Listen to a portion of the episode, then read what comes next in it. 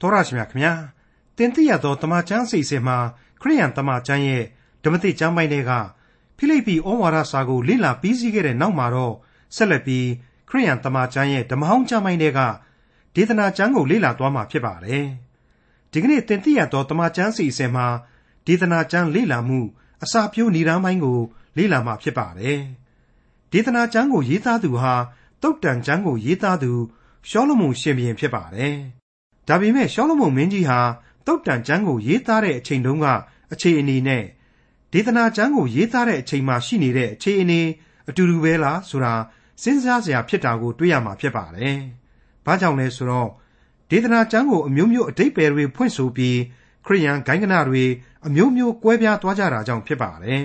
။ထာဝရရှင်မြတ်စွာဘုရားသခင်ရဲ့နှုတ်ကပတ်စကားတော်အစိုးအမိန်များနဲ့ဆန့်ကျင်ထောင်ထားခြားနားရာရောက်နေတဲ့ အချက်ပေါင်းမြောက်များစွာကိုဒေသနာကျမ်းထဲမှာတွေ့ရမှာဖြစ်ပါတယ်။တမန်ကျမ်းထဲမှာပါရှိတဲ့အကြောင်းအရာတွေထဲမှာဖျားရှင်ရဲ့မိတ်ဆွေတော်မူချက်များနဲ့လူသားတွေရဲ့ပြောဆိုချက်များကိုခွဲခြားနားလည်ပါမှမှန်ကန်တဲ့အဓိပ္ပာယ်ကိုဖွင့်ဆိုနိုင်မှာဖြစ်တဲ့အကြောင်းနဲ့အတူခရိယန်တမန်ကျမ်းရဲ့ဓမ္မဟောင်းကျမ်းပိုင်းတွေကဒေသနာကျမ်းကိုမလေ့လာမီဒေသနာကျမ်းလေ့လာမှုအစာပြုဏ္ဍာန်းပိုင်းကိုဒေါက်တာထွန်းမြတ်ရေးကအခုလိုတင်ပြထားပါတယ်။ ဆုတောင်းကြပါစို့။ကောင်းကင်ဘုံ၌ရှိတော်မူသောအိုအဖမြတ်စွာဘုရားသခင်ဤယနေ့ဤအချိန်နာကြီးအတွက်ကျေးဇူးတော်ကိုချီးမွမ်းရင်းဆုတောင်းအသနာခံလိုပါ၏။ကျွန်တော်ကျမတို့ဤသင်သိရသောသမာကျမ်းများကိုဓမ္မတိကျမ်းများမှနေ၍ဓမ္မဟောင်းကျမ်းဖြစ်သောဒေသနာကျမ်းကိုလေ့လာစည်းပူဖို့ရန်ကိုရရှင်စတင်အခွင့်ပေးသနာတော်မူသဖြင့်ယခုအချိန်မှဒေသနာကျမ်းများကိုကျွန်တော်တို့ပြင်ဆင်ထားပါသည်အဖာ။ကိုရရှင်အသက်လမ်းဖြစ်သောနှုတ်ကပတ်တော်ကိုလေ့လာစီးပူးအဖြေရှာကြရ၌ ဘာသာပြန်ဆိုဟောပြောရသောသူအပေါ်မှာတော်၎င်းလေ့လာနားထောင်သူအသီးသီးပေါ်မှာတော်၎င်းကိုရရှင်ကောင်းကြီးမင်္ဂလာအမျိုးမျိုးချပေးမဆသနာတော်မူ၍ဉာဏ်အလင်းကိုဖွင့်လှစ်ပေးတော်မူပါဝိညာဉ်တော်လမ်းပြသွန်သင်တော်မူပါကယ်တင်ရှင်ယေရှုတရားဖြစ်သောတရားစကားအလုံးစုံတို့သည်အလိုတော်နှင့်ညီညွတ်စေဖို့ရန်အထူးတောင်းပန်အသနာခံပါ၏နှုတ်ကပတ်တော်မှဖော်ပြမိကိုတော်သိစေလိုသောသင်ခန်းစာအပေါင်းတို့ကိုအကောင်းဆုံးဖော်ပြပေးနိုင်ဖို့ရန် ဤအစီအစဉ်တစ်ခုလုံးကိုတန်ရှင်းသောဝိညာဉ်တော်ဥဆောင်မှုဖြင့်အစအလဲအဆုံးသုံးပါးစလုံး၌ကိုတော်ရှင်ကောင်းကြီးပေးပါမည်အကြောင်းသားတော်ရှင်သခင်ခရစ်တော်၏မဟာနာမတော်မြတ်၌အလွန်ယိုသေးစွာဖြင့်ဆုတောင်းအသနာခံဝန်ပါသည်ဖဖျားအာမင်မိတ်ဆွေတော်တတ်ရှင်အပေါင်းတို့ခမညာဒီကနေ့ဒီအချိန်မှာတော့ကျွန်တော်မိတ်ဆွေတို့အဖို့ဒေသနာကျမ်းများဟာစောင့်နေပြီလို့ကျွန်တော်ဆိုချင်ပါတယ်ဒီကျမ်းကြီးဟာသိပ်ပြီးတော့အရေးကြီးတဲ့ကျမ်းတစ်စုဖြစ်တယ်။ပေါ်တီးပေါ်ဆနဲ့သာလေ့လာကြည့်ဆိုရင် အကုန်လုံးကမောက်ကမတွေတွေးစရာတွေခေါ်စရာတွေရှုပ်ထွေးလာမဲ့ကြမ်းကြီးပဲဖြစ်တယ်လို့ကျွန်တော်ဥစွာမိတ်ဆက်ပေးခြင်းပါတယ်ဟုတ်ပါတယ်ဒီကြမ်းကြီးကိုခုတုံးလုပ်ပြီးတော့ဘုရားသခင်မရှိဟုထင်တတ်သောလူမိုက်တွေဟာခရစ်တော်ဆန့်ကျင်ရေးတွေကိုလုံနိုင်တယ်တိုက်ခိုက်နိုင်တယ်အဲ့ဒီအတိုင်းလေလှုပ်လဲလှုပ်နေကြတယ်ဆိုတာကဘာတလွှားမှာတွေ့နေရပါတယ် ဒီကျမ်းကြီးကိုပဲခုတုံးလုပ်ပြီးတော့ခရိယန်နာမည်တက်ပြီးတော့ဂိုင်းကနာတွေအယူသီးအဖွဲ့အစည်းကြီးတွေထူထောင်ပြီးတော့ဖောက်ပြန်သောဘာသာရေးအရေးကြုံအဖွဲ့အစည်းကြီးတွေဟာလေကဲတင်ချင်းတရားကနေမျက်စိလေလမ်းမှားအောင်လှုပ်ရှားနေကြတယ်အဲ့ဒီလိုလှုပ်ရှားနိုင်လောက်အောင်လေဒေသနာကျမ်းဟာပေါ့ပေါ့ဆဆအတိတ်ပဲပြန်မယ်ဆိုရင်အတိတ်ပဲတွေဟာအမျိုးမျိုးပြန်ဆိုနိုင်တဲ့ကြံကြီးတစ်ခုဖြစ်တယ်အဲ့ဒီလိုလှုပ်ရှားနိုင်အောင်ဖောက်ပြန်လန်းလွဲနိုင်လောက်အောင်လေထူးခြားတဲ့ဝိသေသလက္ခဏာများကို ဒီဒေသနာကျမ်းကြီးဟာဆောင်ယူနေတယ်ဆိုတာကိုကျွန်တော်တို့ကြိုတင်ပြီးနားလည်ထားဖို့လိုပါတယ်မိษွေတော်သားရှင်အပေါင်းတို့နှုတ်ကပတ်တော်ဟာကျွန်တော်တို့နားမလည်နိုင်တာတွေရှိခြင်းရှိမယ်အတိတ်ပဲမရှိဘူးဆိုတာကတော့စံချီတမြင်တောင်မှမရှိဘူးဆိုတဲ့အချက်ကိုကျွန်တော်ဒီနေရာမှာအထူးသတိရနိုင်ကြဖို့ရန်အတွက်ကြိုကြိုတင်တင်နှိုးဆော်သတိပေးထားလိုပါတယ်မိษွေအပေါင်းတို့ပနာမအနေနဲ့ကျွန်တော်မိတ်ဆက်ခြင်းတဲ့အခြေခံခံယူရန်အချက်တွေကတော့ ဒီဒေသနာကျမ်းကိုရှောလမုန်ဆိုတဲ့သုတ်တန်ကျမ်းကိုရေးသားသူဘယင်ကြီးကရေးသားတယ်ဒီလိုရေးသားရမှာသုတ်တန်ကျမ်းကိုရေးသားစဉ်ကရှောလမုန်အဖြစ်ပညာရှိသောသူတနည်းအားဖြင့်ထာဝရဘုရားကိုကြောက်ရွံ့သောသူကြီးအဖြစ်ရှောလမုန်မင်းကြီးဟာရေးသားပြုစုလိုက်တယ်လို့ကျွန်တော်တို့တွက်ဆလို့မရနိုင်တော့ဘူးအခုဒေသနာကျမ်းကိုရေးဖွဲ့နေတဲ့အချိန်မှာရှောလမုန်ဟာလူမိုက်ကြီးတယောက်အဖြစ်ရေးသားနေတယ်လို့ကျွန်တော်တို့မြင်ရမယ်ဆိုတဲ့အချက်ဖြစ်ပါတယ်ဟုတ်ပါတယ် သုတ်တန်ကျမ်းကိုရေးသားနေချိန်မှာရှောလမုန်မင်းကြီးဟာထာဝရဘုရားသခင်ရဲ့အနားမှာရှိနေတယ်ဒီဒေသနာကျမ်းကိုရေးနေတဲ့အချိန်မှာတော့အဖဘုရားသခင်နဲ့ဝေးကွာလှမ်းနေတယ်လို့ကျွန်တော်ဆိုလိုက်ပါရစေအဲ့ဒီလိုလဲကျွန်တော်ကပြောလိုက်ရောမင်းဆိုတဲ့ကောင်ကယာယာဆဆနှုတ်ကပတ်တော်ကကျမ်းစာကိုပြုစုသူဆရာကြီးတယောက်အပေါ်မှာဒီလောက်အထိမိုက်တိမိုက်ကန်းဝေဖန်ရသလားပြစ်ပြစ်နစ်နစ်လုံလွန်းလာကြီးလားဆိုပြီးတော့မင်းငေါ့လာကြလိမ့်မယ်အပြစ်တင်လာကြလိမ့်မယ်လို့ကျွန်တော်ကြိုတင်ပြီးတော့တွက်ဆမိပါတယ် အဲ့ဒီလိုကျွန်တော်ကဒေသနာကျမ်းဆရာကိုမတူညီတဲ့ဇယိုက်နှမျိုးနဲ့တရုပ်ခွဲပြီးတော့ဘုရားသခင်နဲ့နီးလိုက်ဝေးလိုက်ပညာရှိလိုက်လူမိုက်ဖြစ်လိုက်အမျိုးမျိုးကြပြောင်းကြပြန်ဖြစ်နေတယ်ဆိုတာကိုသိမကြေနပ်တဲ့လူများရှိနေမယ်ဆိုရင်တော့အဲ့ဒီမိษွေတွေကိုကိုကိုကိုသာမှန်ရှိမှရက်ပြီးတော့မှန်တဲကလူကိုသာမေကွန်းထုတ်ပြီးတော့ကြည်ကြပြီးတော့လို့ကျွန်တော်ပြောချင်ပါတယ်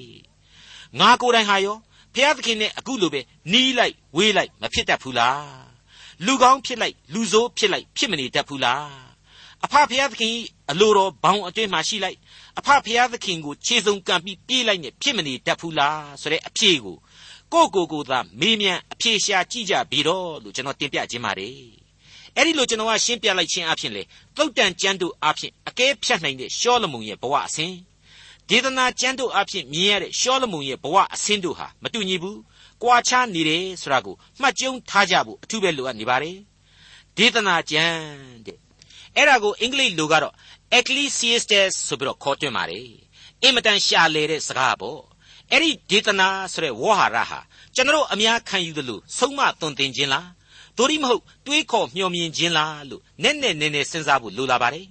အဲ့ဒီအခါမှာတော့ကျွန်တော်အဖို့အကောင်းဆုံးအတိတ်ပဲပြန်သင့်တာဟာအဲ့ဒီနှစ်ချက်စလုံးအကျုံးဝင်တဲ့ တွေးခေါ်မျှော်မြင်၍ဆုံးမခြင်းဆိုတဲ့အဖြေပဲဖြစ်လိမ့်မယ်လို့ကျွန်တော်ဖြစ်ဆွဲချင်ပါတယ်ဆိုချင်ပါတယ်ဒီဒေသနာကျမ်းကြီးရဲ့ဥတီချက်ဟာဘာလဲဆိုတာကိုကျွန်တော်ဆက်လက်တင်ပြပါရစေ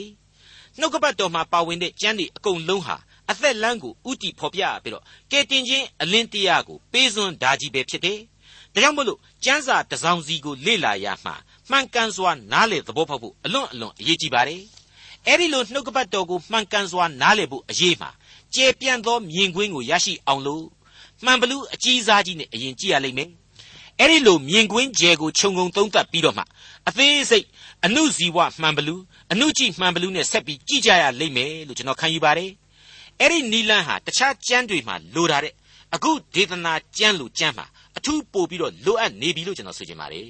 ဒေသနာကျမ်းသို့မဟုတ်တွေးခေါ်မျှော်မြင်၍ဆုံးမခြင်းဆိုတဲ့ကျမ်းကြီးရဲ့နေရာမှာ တွေးခေါ်မျှော်မြင်သူဟာဘသူလဲဆိုတော့ရေးသားသူရှောလမုန်မင်းကြီးကိုတော်တိုင်ဖြစ်တယ်လူတဲ့လူတစ်ယောက်သာဖြစ်တယ်ဆိုတာကိုကျွန်တော်တို့သိနာလေထားရပါမယ်ဒါကြောင့်မလို့အခုဒေသနာကျမ်းရဲ့အဆုံးသတ်တိုင်းမှာလူသားတစ်ယောက်ရဲ့အတွေးအခေါ်အမျှော်မြင်များနဲ့သားလျင်အဆုံးသတ်လိရှိတယ်ဆိုတာကိုကျွန်တော်တို့ကြိုပြီးတော့သိနာလေထားဖို့လိုပါတယ်အဲ့ဒီလိုလူသားရဲ့အတွေးအခေါ်လူသားရဲ့အမျှော်အမြင်တွေကနေပြီးတော့မှလာတဲ့အဆုံးအမတွေဟာပြည့်စုံပါမလားမပြည့်စုံနိုင်ပါဘူး အမြဲမှန်ကန်ခြင်းလည်းမရှိနိုင်ပါဘူးစုံလင်ခြင်းလည်းမရှိနိုင်ပါဘူးဒါကြောင့်မလို့နှုတ်ကပတ်တော်ရဲ့များစွာသောကြည်ညာချက်တွေကိုဆန့်ကျင်ထောင်ထားခြားနာရာရောက်နေတဲ့ကြည်ညာချက်ပေါင်းမြောက်များစွာကိုဒီဒေသနာကျမ်းထဲမှာကျွန်တော်တို့တွေ့မြင်သွားရပါလိမ့်မယ်မိษွေတော်တတ်ရှင်အပေါင်းတို့သမိုင်းဝင်လူသားဟာဘုရားသခင်မပါဝင်ဘဲနဲ့လွတ်လပ်ပျော်ရွှင်မှုကိုသာရှာလိုသောအပြစ်တွေရှိပါတယ်ဘုရားသခင်ကိုကြောခိုင်းတတ်ယူထုံးစံရှိပါတယ်ဘုရားသခင်မပါဘဲနဲ့အရာရာမှာ ကိုချီကိုလက်လှုပ်ချင်သောလူတ attva များသာဖြစ်ပါတယ်အပြစ်ဇာတိပဂရိလူသားများသာဖြစ်ပါတယ်ကပ္ပသမိုင်းဦးနေရဲ့များမှသည်ဒီကနေ့ဒီအချိန်တိုင်အောင်လေဒီတန်တရားအောက်မှာသာလူအများစုဟာရှိနေပါတယ်ဖျားသခင်မပါဝင်ဘဲနဲ့ပြီးပြည့်စုံတဲ့လောကနိဗ္ဗာန်ကိုထူထောင်ခြင်းတဲ့လူသားရဲ့ညင်ပါအဲ့ဒီလိုဖျားသခင်မပါဝင်သောလူသားတို့ရဲ့ကြိုးစားအားထုတ်ခြင်းတွေအကုန်လုံးတို့ဟာဘာဆိုဘာမှတည်တံ့ခြင်းမရှိ ခဲလေသမျှသေးရည်ကြတွေကြီးပဲဖြစ်တယ်ဆိုတာကိုဒီကျမ်းဟာရှင်းလင်းပြတ်သားစွာအတိတ်ပဲဖော်ပြသွားပါလိမ့်မယ်အဲ့ဒီလိုအချီးနှီးဖြစ်ခြင်းဆိုတာကိုအနတ္တတရားသို့မဟုတ် vanity ဆိုပြီးတော့တင်စားဖော်ပြသွားမှာဖြစ်ပါတယ်အတိတ်ပဲဆိုလို့ဘာဆိုဘာမှမရှိပန်းတိုင်ဟူ၍လည်းမရှိဟာလာဟင်းလင်းဖြစ်ခြင်းအတိဆိုတဲ့သဘောတရားအမျိုးစုံကိုစုပြုံဖော်ပြခြင်းပဲလို့ကျွန်တော်ဆိုချင်ပါတယ်လူသတ္တဝါဟာအဲ့ဒီလူဖြစ်သင့်ပါသလားဖြစ်ထိုက်ပါသလား အဲ့ဒီအတိုင်းပဲသုံးစားပါကြလူဘဝဆိုတာမျိုးဖြစ်သင့်ပါသလားဆိုတာကိုဒီကျမ်းဟာမေကွန်းထုတ်ပေးသည့်အလားကျွန်တော်များကိုတန်ရှင်းသောဝိညာဉ်တော်အဖြစ်မေကွန်းများထုတ်ပေးသွားလိမ့်မယ်လို့ကျွန်တော်ဆိုချင်ပါတယ်မိတ်ဆွေအပေါင်းတို့ဒီနေရာမှာကျွန်တော်ဟာယောဘဝတ္ထုကိုပြန်ပြီးတော့အမှတ်ရမိပါတယ်မိษွေတို့ကိုလည်းမှတ်မိစေခြင်းလှပါတယ်လူလောကမှာဖြောင့်မတ်တော်လူဆိုတဲ့ယောဘဟာအဖဖျားသခင်ရဲ့ရှေ့တော်မှောက်မှာတော့ အပြစ်သားကြီးတယောက်သာဖြစ်တယ်ဆိုတာကိုမငင်းနိုင်လောက်အောင်ယောဘဝတ္ထုဟာဖော်ပြပေးခဲ့ပါတယ်ဟုတ်ပါတယ်အဲ့ဒီယောဘဝတ္ထုအဖြစ်ဖြောက်မတ်စုံလင်လှပါတယ်ဆိုတဲ့လူကြီးဟာဘုရားသခင်ရှေ့တော်မှောက်မှာအပြစ်သားကြီးလုံးလုံးဖြစ်နေတာကိုတွေ့ခဲ့ရသလိုဒေသနာကျမ်းကြီးကိုလေ့လာခြင်းအဖြစ်လေအဲ့ဒီလိုလူဘဝရဲ့ကမောက်ကမဖြစ်စဉ်ကိုဖော်ပြသွားပါလေအောင်မယ်ဘယ်လိုကမောက်ကမဖြစ်စဉ်လဲဆိုတော့ရှင်းနေပါတယ် လူလောကမှာအလွန်ပညာရှိလာပါတယ်သူလိုလူမျိုးစဘူးမှမရှိပါဘူးဆိုတဲ့ဓမ္မသမိုင်းကလူသားဘယင်ဧကရကြီးရှောလမုန်ကောင်းကင်မုန်ရှင်အဖဖျားသခင်ရှေ့တော်မှာတော့လူမိုက်ကြီးတယောက်သာဖြစ်နေတယ်ဆိုတာကိုဒီကျမ်းဟာရှင်းလင်းပြတ်သားစွာဖော်ပြသွားမယ်လို့ကျွန်တော်ကြိုတင်ဖော်ပြထားနေကြပါတယ်။ဒါကြောင့်မလို့အခုဒေသနာကျမ်းဟာဖြင့် PhD ဘွဲ့ရထားတဲ့ပါရဂူကြီးတွေ THD တို့ DD တို့ဘွဲ့ရထားတဲ့ဓမ္မပါရဂူဒေါက်တာကြီးတွေ သိပ္ပံပညာနဲ့အာကာသကိုတောင်မှထိုးဖောက်နိုင်လောက်တဲ့အဆင့်ကကဘာကျော်ဆရာသမားကြီးတွေအကုန်လုံးနဲ့သက်ဆိုင်နေတဲ့ကျမ်းကြီးလို့ကျွန်တော်ဆိုချင်ပါတယ်အဲ့ဒီလိုစိတ်မှန်းပေါက်ပြီးတော့ထိတ်တန်းရောက်ရသူကြီးတွေတတ်သိပညာကိုပိုင်ဆိုင်ထားတဲ့လူကြီးတွေရဲ့မြင်မာလှပါတယ်ဆိုတဲ့ဉာဏ်ရည်များတို့ဟာလေဒီဒေသနာစကားတို့ရဲ့ဝိညာဉ်ရေးသဘောကိုဘယ်နည်းနဲ့မှနှစ်ချိုက်နိုင်ကြမယ်လက်သင့်လွယ်လွယ်နဲ့ခံနိုင်ကြမှာမဟုတ်ဘူးလို့ကျွန်တော်ဆိုချင်ပါတယ်မိတ်ဆွေအပေါင်းတို့ ကျွန်တော်ဒီနေရာမှာဒီဒေသနာကျမ်းနဲ့ရှောလမုန်တည်ခြင်းတို့ကိုရှင်တွဲပြီးတော့တခုစဉ်းစားတွေးခေါ်မိပါတယ်အခုဒေသနာကျမ်းဟာဘယ်အကြောင်းကိုဖော်ပြသွားမလဲဆိုတာကိုစဉ်းစားရင်အခုလိုအဖြေပေါ်နေပါလိမ့်မယ်လူသားဟာကဘာကြီးတစ်ခုလုံးကိုပိုင်ဆိုင်သည့်တိုင်အောင်ကြွယ်ဝချမ်းသာတယ်သူဟာတကဘာလုံးကိုအောင်မြင်တယ်လို့ဆိုသည့်တိုင်အောင်ခရစ်တော်မို့လို့မပါရင်သူပိုင်ဆိုင်အောင်မြင်ထားတဲ့လောကကဘာကြီးဟာသူ့ရဲ့ဆန္ဒကိုဘယ်နည်းနဲ့မှပြည့်အောင်မပြည့်စည်နိုင်ဘူး သူ့ရဲ့နှလုံးသားကကြီးမားလွန်းနေလေတော့မပြည့်အိုးများပမာဖြည့်လို့ကိုမပြည့်နိုင်ဘူးဆိုတဲ့အချက်ကိုကျွန်တော်တို့တွေ့လာရပါလိမ့်မယ်ရှောလမုန်တည်ခြင်းကြတော့အဲ့ဒီတိုင်းမဟုတ်တော့ဘူးပြောင်းပြန်အချိုးကျဖြစ်သွားပြီလို့ကျွန်တော်ဆိုချင်ပါတယ်မှန်ပါတယ်လူသားဟာကမ္ဘာလောကကြီးကိုညှင်းပယ်ပြီးတော့ခရစ်တော်ကိုသာဆွဲဆွဲမဲ့မဲ့မျက်နှိုးစွာဖက်တွေထားမယ်ဆိုရင်ခရစ်တော်ရဲ့ချစ်ချင်းမေတ္တာတော်ကိုအတိုင်းအဆမဲ့စွာခံစားရခြင်းအပြင်နှလုံးသားမှာပြည့်ရှံသွားရလိမ့်မယ် အနန္တချစ်ချင်းမေတ္တာအပြင်နှလုံးသားဟာပြည့်ုံမကရှံသွားရလိမ့်မယ်မေတ္တာတော်ကအလွန်ကြီးမားပြီးတော့မိမိရဲ့နှလုံးအိမ်ဟာသိမ်ငယ်သွားရလိမ့်မယ်ရှင်းပါတယ်နော်ဒေသနာကျမ်းအပြင်လူသားရဲ့နှလုံးသားဟာကြီးမားလွန်းနေပြီးတော့မပြည့်အိုးများပမာဆန္ဒရမက်တို့မပြည့်နိုင်ဘူးရှောလမုန်တည်ခြင်းအပြင်ကယ်တင်ရှင်သခင်ခရစ်တော်၏ချစ်ခြင်းမေတ္တာသည်လူသား၏နှလုံးသားကိုပြည့်ရှံသွားစေလိမ့်မယ် အဲ့ဒီအံ့ဩဖွယ်သောဆန့်ကျင်ဘက်ပြောင်းလဲမှုနှစ်ခုကိုကျွန်တော်တို့ရှင်တွဲပြီးလေ့လာသွားကြရပါလိမ့်မယ်ဒီလိုအရေးကြီးလာတဲ့အခြေခံသဘောတရားတွေဟာဒီကျမ်းတွေအဖြစ်ဘလောက်ပြည်ပြင်းလာမှလဲဆိုတာကိုတော့ကျမ်းများအသီးသီးကိုအတူတကွလေ့လာရင်းနဲ့မိษွေတို့ကျွန်တော်တို့ထိတွေ့နားလည်လာကြအမှာဧကန်အမှန်ပဲလို့ကြိုတင်ဖော်ပြထားခြင်းပါတယ်မိษွေအပေါင်းတို့ ဒေသနာကျမ်းသို့မဟုတ်တွေးခေါ်မျှော်မြင်၍သွန်သင်ခြင်းဒီဟုသောဒီနှုတ်ကပတ်တော်စာပေအစုအဝေးမှာသော့ကျက်ကြတဲ့အချက်ဟာဘာလဲဆိုတာကိုရွေးထုတ်လိုက်မယ်ဆိုရင်တော့ခသိန်းသောအရာတို့သည်အနတ္တဆိုတဲ့အချက်ဖြစ်ပါတယ်အနတ္တတရားသည်အဓိကတော့ချက်ဖြစ်နေပါတယ်မှန်ပါတယ်ဒီကျမ်းကြီးထဲမှာအနတ္တအနတ္တဆိုတဲ့ဝေါ်ဟာရဟာ38ကြိမ်တိုင်တိုင်ပါဝင်နေပါတယ် နေအောင်အောက်မှာဆိုတဲ့အနတ္တတရားထွန်းကားရာလောကကဘာကြီးအကြောင်းကိုဖော်ပြတဲ့အချက်ပေါင်းကတော့26ကြိမ်ပါဝင်နေကြောင်းကိုကျွန်တော်တို့တွေ့ရပါလိမ့်မယ်ဒီအကြောင်းတွေကိုအခုလိုအသေးစိတ်ရှင်းနှင်းတာကတော့တခြားကြောင့်မဟုတ်ပါဘူးဒီဒေသနာကျမ်းဟာနေအောင်အောက်လို့ပြောထားတဲ့လူလောကမှအနတ္တတရားတွေကကြီးကြီးစိုးနေခြင်းကိုအဓိကထားဖော်ပြနေတယ်။ထုံမွန်းနေတယ်ဆိုတာကိုကျွန်တော်မြင်သာအောင်ဖော်ပြရမှာဖြစ်ကြောင်းကျွန်တော်ကကြိုကြိုတင်တင်အသိပေးလို့တဲ့အတွက်ဖြစ်ပါတယ်။ မှန်ပါတယ်။ဒါဟာရေးသားသူရှောလမုန်မင်းကြီးရဲ့ဥတီချက်ဖြစ်တယ်လို့တန်ရှင်းသောဝိညာဉ်တော်ဟာအဲ့ဒီဥတီချက်မှတဆင့်ကျွန်တော်အတွက်တန်ဖိုးမဖြတ်နိုင်သောအသည့်တရားတွေကိုပေးတော်မှာဖြစ်ပါတယ်။သွန်သင်ဩဝါဒပြုတော်မှာဖြစ်ပါတယ်။မိတ်ဆွေအပေါင်းတို့ခမညာ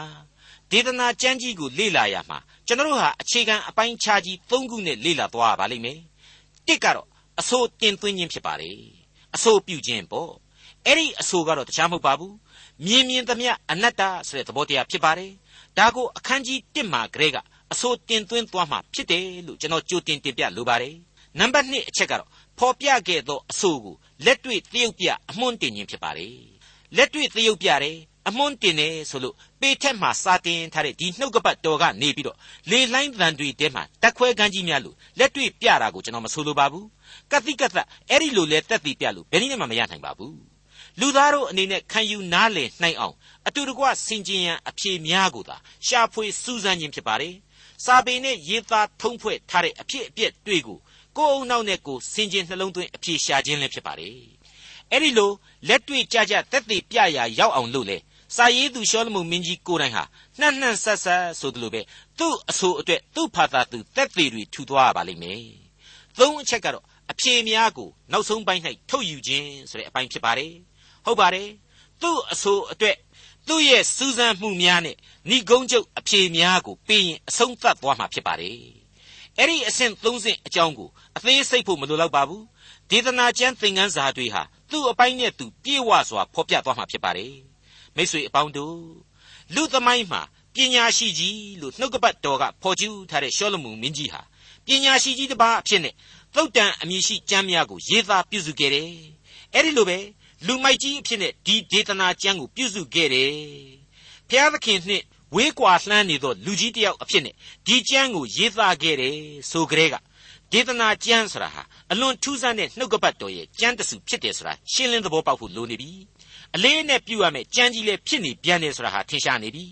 ဒါကြောင့်မလို့မိษွေတို့အနေနဲ့အလေးနဲ့ပြုပြီးနားဆင်ကြလိမ့်မယ်လို့လည်းကျွန်တော်ကထင်ပါတယ်တိုက်တွန်းအားပေးလဲအားပေးခြင်းပါတယ် သူ့ဟာသူဘလောက်ပဲလောကအမြင်အရပညာရှိကြီးတယောက်ဖြစ်နေနေဘုရားသခင်ရဲ့ရှေ့တော်မှောက်မှာတော့လူမိုက်ဧကရေဘရင်ရှောလမုန်တယောက်အဖြစ်သာဖြစ်နေသူရဲ့အဆိုတွေထိုအဆိုများအတွက်ထောက်ခံတင်ပြနိုင်သောလက်တွေ့သရုပ်ပြအမွှန်းတင်ချက်တွေဏီကုံးချုပ်အဖြေရလတ်တွေဟာကျွန်တော်အတွက်ဘယ်လိုဘယ်လိုအရေးကြီးတဲ့ဝိညာဉ်ခွန်အားတွေကိုပေးစွန်သွားမှာလဲဆိုတာကိုတော့မိษွေတော်တတ်ရှင်တို့ဟာမယိုးနိုင်မအီနိုင်အောင်ကြားကြရတော့မယ်လို့ကျွန်တော်ဆိုချင်ပါတယ် မိษွေအပေါင်းတို့ခမညာဒီနေရာမှာနောက်တစ်ခုကျွန်တော်ဆက်လက်ဖြည့်ဆွက်လိုတာကတော့နေအောင်အောက်မှာရှိသမျှဤလောကသည်အနတ္တဆရာကိုရှောလမုန်မင်းကြီးဟာတရုတ်ပြအမွှန်းတင်တဲ့နေရာမှာရှုထောင့်ပေါင်းမြောက်များစွာကနေပြီးတော့ပညာကမ်းမြောက်များစွာကိုသုံးပြီးတော့တရုတ်ပြသွားမှာဖြစ်ပါတယ်အဲ့ဒီလိုတရုတ်ပြနိုင်ဖို့အတွက်သူဟာသူဖော်ပြထားတဲ့အနတ္တတရားတွေကို အနတ္တမှန်ပြီးပြီးသားသားဖြစ်အောင်လို့လက်တွေ့ကြကြကွင်းစင်အဖြေရှာသွားတယ်ဆိုတာကိုကျွန်တော်မြင်ရမယ်ဆိုတဲ့အချက်ဖြစ်ပါတယ်ဒါကိုမိတ်ဆွေတို့ကြိုတင်ပြီးတော့သိထားနှင့်စေချင်ပါတယ်မှန်ပါတယ်မိတ်ဆွေအပေါင်းတို့ရှောလမုန်မင်းကြီးဟာသူ့ခေတ်သူ့အခါသူ့ရဲ့အသိပညာတွေအစွန်းကုန်နဲ့လောကသစ္စာကောင်းနိုးရာရာတွေကိုရှာဖွေပြလိမ့်မယ်လောကဓမ္မတွေကိုထုတ်နှုတ်ဖော်ပြသွားလိမ့်မယ်အဲ့ဒီလိုမရှာဖွေမစည်းဘူးမဖော်ပြဘဲနဲ့တော့ဘယ်လို့မှမဖြစ်နိုင်ပါဘူး သူဟာသူ့ရဲ့အနတ္တတရားအဆိုကြီးကိုဖြည့်ဆည်းဖို့သူကိုယ်တိုင်တာဝန်ရှိနေပါတယ်ဒါကြောင့်မလို့သူကိုယ်တိုင်ဟာဒီဒေသနာကျမ်းရဲ့ဇက်ကောင်ကြီးအဖြစ်နဲ့လောကတန်တရားဘုံအဖြစ်အပျက်အမျိုးစုံတို့ထဲမှာကျင်လေကျက်စားလက်တွေ့အဖြေများကိုရှာဖွေပေးရမှာသာဖြစ်ပါတယ်ဒီလိုမရှာနိုင်ဘဲနဲ့လေမဖွေနိုင်ဘဲနဲ့လေဒီကျမ်းမျိုးကိုရေးလို့ဘယ်နည်းနဲ့မှမဖြစ်နိုင်ပါဘူးဒီအခါမှာတော့တိသိပ္ပံအတတ်ပညာသို့မဟုတ်လောကရပညာများနဲ့လောကသစ္စာကို သူရှာဖွေသွားရပါလိမ့်မယ်။နှစ်အတွေးအခေါ်အယူအဆများနဲ့လေရှာဖွေသွားရပါလိမ့်မယ်။သုံးလောကရဲ့စီးစိမ်ဥစ္စာတွေသာယာဝပြောခြင်းတွေနဲ့သူအဖြေရှာရပါလိမ့်မယ်။ဒါအပြင်လေးရုပ်ဝါဒအယူအဆတွေငါကံတရားတွေ6မာမာနတွေခုနှစ်ကိုးကွယ်ယုံကြည်မှုတွေရှစ်စီးစိမ်ဥစ္စာတွေကိုကိုချင်းတရားတွေစသည်စသဖြင့်နီလန်းအမျိုးစုံနဲ့သူရှာဖွေသွားရပါလိမ့်မယ် အဲ့ဒီလိုသူရှာဖွေနိုင်လွန်းလို့သာလျှင်နေအောင်အောက်မှလူလောကအရာရာသည်အနတ္တဆရာကိုသူဟာအသက်ပါပါနဲ့အဆိုတင်သွင်းသွားနိုင်မှာဖြစ်ပါတယ်ရေးသားဖော်ပြသွားနိုင်မှာဖြစ်ပါတယ်ဒီအချက်တွေဟာဒေသနာကျမ်းကိုစိတ်ဝင်စားသူတိုင်းကြိုတင်သိနာလေထားသင့်တယ်လို့ကျွန်တော်ဆိုချင်ပါတယ်မိတ်ဆွေတော်တာရှင်အပေါင်းတို့ဒေသနာကျမ်းဟာလင်္ကာယကျမ်းကြီးတစ်ခုဖြစ်ပါတယ်နှုတ်ကပတ်တော်မှာယောဘဝတ္ထုဆာလံတိချင်းသုတ်တန်ကျမ်း ဒေသနာကျမ်းရှောလမုန်တီချင်းတို့ဟာထင်ရှားတဲ့လင်္ကာယကျမ်းများဖြစ်ပါတယ်အဲ့ဒီထဲကဒေသနာကျမ်းဟာကျမ်းတစုပါအလွန်အလွန်နည်းနည်းတဲ့ဓမ္မကျမ်းများဖြစ်တဲ့ကြားထဲမှာမှလင်္ကာရသနဲ့အလှဆင်ထားတဲ့ဒီကျမ်းများဟာကျေးဇူးတော်ကြောင့်ကျွန်တော်တို့အတွက်စကပြေများအဆင့်အထိပြုပြင်ပြောင်းလဲပြီးတော့လေ့လာနိုင်ခွင့်ရပါတယ်ဘုရားသခင်ပြင်ဆင်ပေးတော်မူသောကျေးဇူးတော်ပဲလို့ကျွန်တော်တို့ခံယူလိုက်ပါတယ်ဖော်ပြခဲ့တဲ့အတိုင်းပဲအနတ္တတရားအတွက်နေအောင်အောက်မှာနီလန်မျိုးစုံနဲ့စူးစမ်းရှာဖွေတယ် လေးလာစီးဘူးတယ်ဆိုတဲ့ဒေသနာဆရာရှောလမုန်မင်းကြီးရဲ့ဒီဒေသနာကျမ်းဟာရှောလမုန်မင်းရဲ့ကိုယ်တိုင်ရေးကိုယ်ပိုင်ဖြစ်စဉ်များ autobiography လို့လည်းကျွန်တော်တို့ဆိုလို့ရပါတယ်အဲ့ဒီကိုရေးအထုပ်ပတ်တိသို့မဟုတ်ကိုဘဝဖြစ်စဉ်တွေဟာဒီဒေသနာကျမ်းကိုပြုစုစဉ်အချိန်မှာတော့ဖျားသခင်နဲ့ဝေးကွာလှမ်းတဲ့ဘဝမှာရှိနေတယ်လို့ကျွန်တော်ဖော်ပြပေးခဲ့ပါတယ်ဟုတ်ပါတယ်ကျွန်တော်တခါထပ်ပြီးတင်ပြပါရစေသုတ်တန်ကျမ်းကိုရေးတဲ့ရှောလမုန်မင်းကြီးဟာ ဖျားသခင်ကိုကြောက်ရွံ့ယိုသေးသောပညာရှိကြီးရှောလမုန်အဖြစ်နဲ့ရေးသားခဲ့တယ်အခုဒေသနာကျမ်းကိုရေးတဲ့ရှောလမုန်ကတော့ဖျားသခင်နဲ့ဝေးနေတဲ့လူမိုက်ကြီးရှောလမုန်အဖြစ်နဲ့ရေးသားခဲ့ခြင်းဖြစ်တယ်ဆိုတာကိုကျွန်တော်တို့ပိုင်းဖြတ်မှတ်သားနားလည်ထားကြပါစို့မိတ်ဆွေအပေါင်းတို့ရှောလမုန်မင်းကြီးဟာဒီဒေသနာကျမ်းကိုရေးသားနေချိန်မှာဖျားသခင်နဲ့ဝေးနေတယ်လူမိုက်တယောက်အဖြစ်နဲ့ဘဝပြောင်းလဲနေတယ်ဆိုတာတွေ့ကိုကျွန်တော်ကပြောတဲ့အခါမှာ ရှောလမုန်ကိုလူတွေကလူသားအဖြစ်နဲ့မခံယူနိုင်ကြတဲ့လူတွေပညာရှိကြီးအဖြစ်သားလျင်တစ်ဖက်သက်အထင်ကြီးပြီးတော့တန်ရောစဉ်ဆွဲလန်းမှုတွေနဲ့ပြည့်နေတဲ့လူတွေအနေနဲ့ကျွန်တော်သင်သိရသောသမာကျမ်းရဲ့အဆိုတို့အပေါ်မှာကြိုက်မှကြိုက်ပါမလားလို့ကျွန်တော်တွေးမိပါတယ်တနည်းအားဖြင့်ရှောလမုန်မင်းကြီးဟာအဲ့ဒီလိုလူမိုက်မဖြစ်နိုင်ပါဘူးဆိုတဲ့အတွေးမျိုးနဲ့ကျွန်တော်အဆိုကိုလက်မခံနိုင်ခြင်းသဘောတွေမိမိတို့ရဲ့စိတ်ဆွဲလန်းမှုတွေရှိများရှိနေကြလိမ့်မလားလို့ကျွန်တော်တွေးမိပါတယ် ဒါကြောင့်မလို့ကျွန်တော်ရှင်းပြခြင်းပါတယ်ဒါကိုကျွန်တော်အနေနဲ့ဓမ္မရာဇဝင်တတိယစာဆောင်ကဖော်ပြတဲ့အချက်နှစ်ခုတည်းနဲ့ပဲအဖြေပေးနိုင်ပါလိမ့်မယ်အဲ့ဒါကတော့တိဓမ္မရာဇဝင်တတိယစာဆောင်အခန်းကြီး30အငယ်23ကနေအတော်အတန်အတွင်းမှာပြန်ပြီးတော့အဖြေရှာကြည့်ကြပါမြေကြီးပေါ်မှာရှိသမျှသောရှင်ဘရင်တို့တဲ့ပညာနှင့်စည်းစိမ်အားဖြင့်လွန်ကဲ၏ရှောလမုန်သည်လည်းယထာများမြင်းစည်းသူရဲများကိုစီးပူး၍ယထာတထောင်နှင့်400 မြင်းစည်းသူရဲတပေါင်း2000ရှိ၏မိတ်ဆွေအပေါင်းတို့ခမညာရွှေငွေစည်းစိမ်ဥစ္စာတွေချမ်းသာတာဉာဏ်ပညာရှိတာတွေဟာဘုရားသခင်ပေးသနာတော်မူသောကောင်းကြီးတွေဖြစ်ပါတယ်အဲ့ဒီအထဲမှာမှကန့်လန့်တိုက်ပြီးပါဝင်လာတာကတော့မြင်းတွေပဲဖြစ်ပါတယ်ဘုရားသခင်ဟာမြင်းတွေမွေးတာကိုတားမြစ်ခဲ့တဲ့ကြားတွေကရှောလမုန်ဟာမြင်းတွေကိုအယံမွေးခဲ့ပါတယ်ဒီမြင်းတွေဒီမြင်းရထားတွေအားဖြင့်လေသူဟာသူ့ကိုယ်သူအင်အားကြီးမှလှပြီး ထဲဝါလှပြီးပြည့်စုံလှပြီးဆိုတဲ့မာမာနတွေတက်ခဲ့ပါတယ်ဒီတော့အဲ့ဒီအချိန်ကာလမှာသူဟာဘုရားသခင်နဲ့ဝေးခဲ့ပါတယ်ဘုရားသခင်ကိုမေ့လျော့ခဲ့တယ်လို့ကျွန်တော်ဆိုချင်ပါတယ်နှစ်အချက်အနေနဲ့ကတော့ဓမ္မရာဇဝင်တတိယစာဆောင်မှာပဲအခန်းကြီး7အငယ်1ကနေစပြီးတော့ဖတ်ကြည့်မယ်ဆိုရင်အခုလိုတွေ့နိုင်ပါတယ်ထာဝရဘုရားကသင်တို့သည်တပားအမျိုးသားတို့နှင့်စုံဖက်ခြင်းကိုမပြုရအကယ်စင်စစ်သူတို့သည်မိမိတို့ဖျားများနောက်သို့သင်တို့၏စိတ်နှလုံးကိုလွှဲစေကြလိမ့်မည်ဟု ဣသရေလအမျိုးသားတို့အားမိန့်တော်မူသောလေရှောလမုန်သည်တပားအမျိုးသားမိန်းမတို့ကိုတတ်မဲ့သောစိတ်ရှိ၏မင်းသမီးဖြစ်သောခင်ပွန်း900မောင်မမိတ်တန်300ရှိ၍သူတို့သည်စိတ်နှလုံးတော်ကိုလွှဲစေကြ၏ရှောလမုန်သည်အသက်ကြီးသောအခါမိန်းမများတို့သည်စိတ်နှလုံးတော်ကိုအခြားတစ်ပါးသောဖျားနောက်သို့လွှဲစေသဖြင့်စိတ်နှလုံးတော်သည်ခမည်းတော်ဒါဝိဒ်၏စိတ်နှလုံးကဲ့သို့မိမိဖျားသခင်ထာဝရဘုရားရှေ့တော်၌စုံလင်ခြင်းမရှိ ရှင်းနေပါပြီနော်ဖျားသခင်ကိုမေ့လျော့ယုံသာမကတော်လှန်တဲ့အဆင့်အထိပြစ်မှုတွေကိုကျူးလွန်ခဲ့မိတယ်ဆိုတာဟာထင်ရှားနေပါတယ်ဖျားသခင်ဟာအိမ်တောင်ရေးလွန်ကျူးမှုတွေကိုမကြိုက်ပါဘူးမိမတွေများများမယူရဘူးဆိုတာကိုလေမြင်းမမွေးရဆိုတဲ့အမိန့်နဲ့အတူချထားပေးခဲ့တာပါပဲ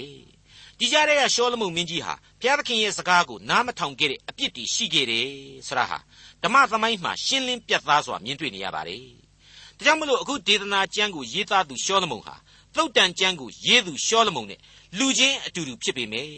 စိတ်တက်ဟာဖောက်ပြန်နေတဲ့ရှောလမုန်ဖြစ်နေပြီဘုရားသခင်နဲ့ဝေးနေတဲ့ရှောလမုန်ဖြစ်နေပြီလူမိုက်ဖြစ်တဲ့ရှောလမုန်အဖြစ်နဲ့သားလျှင်ကျွန်တော်သင်သိရသောသမာကျမ်းကခံယူလိုက်ပါတယ်ဒေသနာကျမ်းကိုလေ့လာရမှာအဲ့ဒီအခြေခံအချက်ကိုသာကျွန်တော်သင်သိရသောသမာကျမ်းအဖွဲ့ဟာကင်ဆွဲသွားရပါလိမ့်မယ်မိษွေတော်တတ်ရှင်အပေါင်းတို့နှုတ်ကပတ်တော်ရဲ့ကျမ်းစာအားလုံးတို့ဟာ ဘုရားသခင်ရဲ့ဝိညာဉ်တော်မှုတ်သွင်းခြင်းခံရတဲ့စာပေတွေကြီးဖြစ်တယ်ဆိုတာကိုကျွန်တော်တင်ပြပေးခဲ့ပြီးပါပြီတစ်ချိန်တည်းမှာကျမ်းစာကဖော်ပြချက်တွေ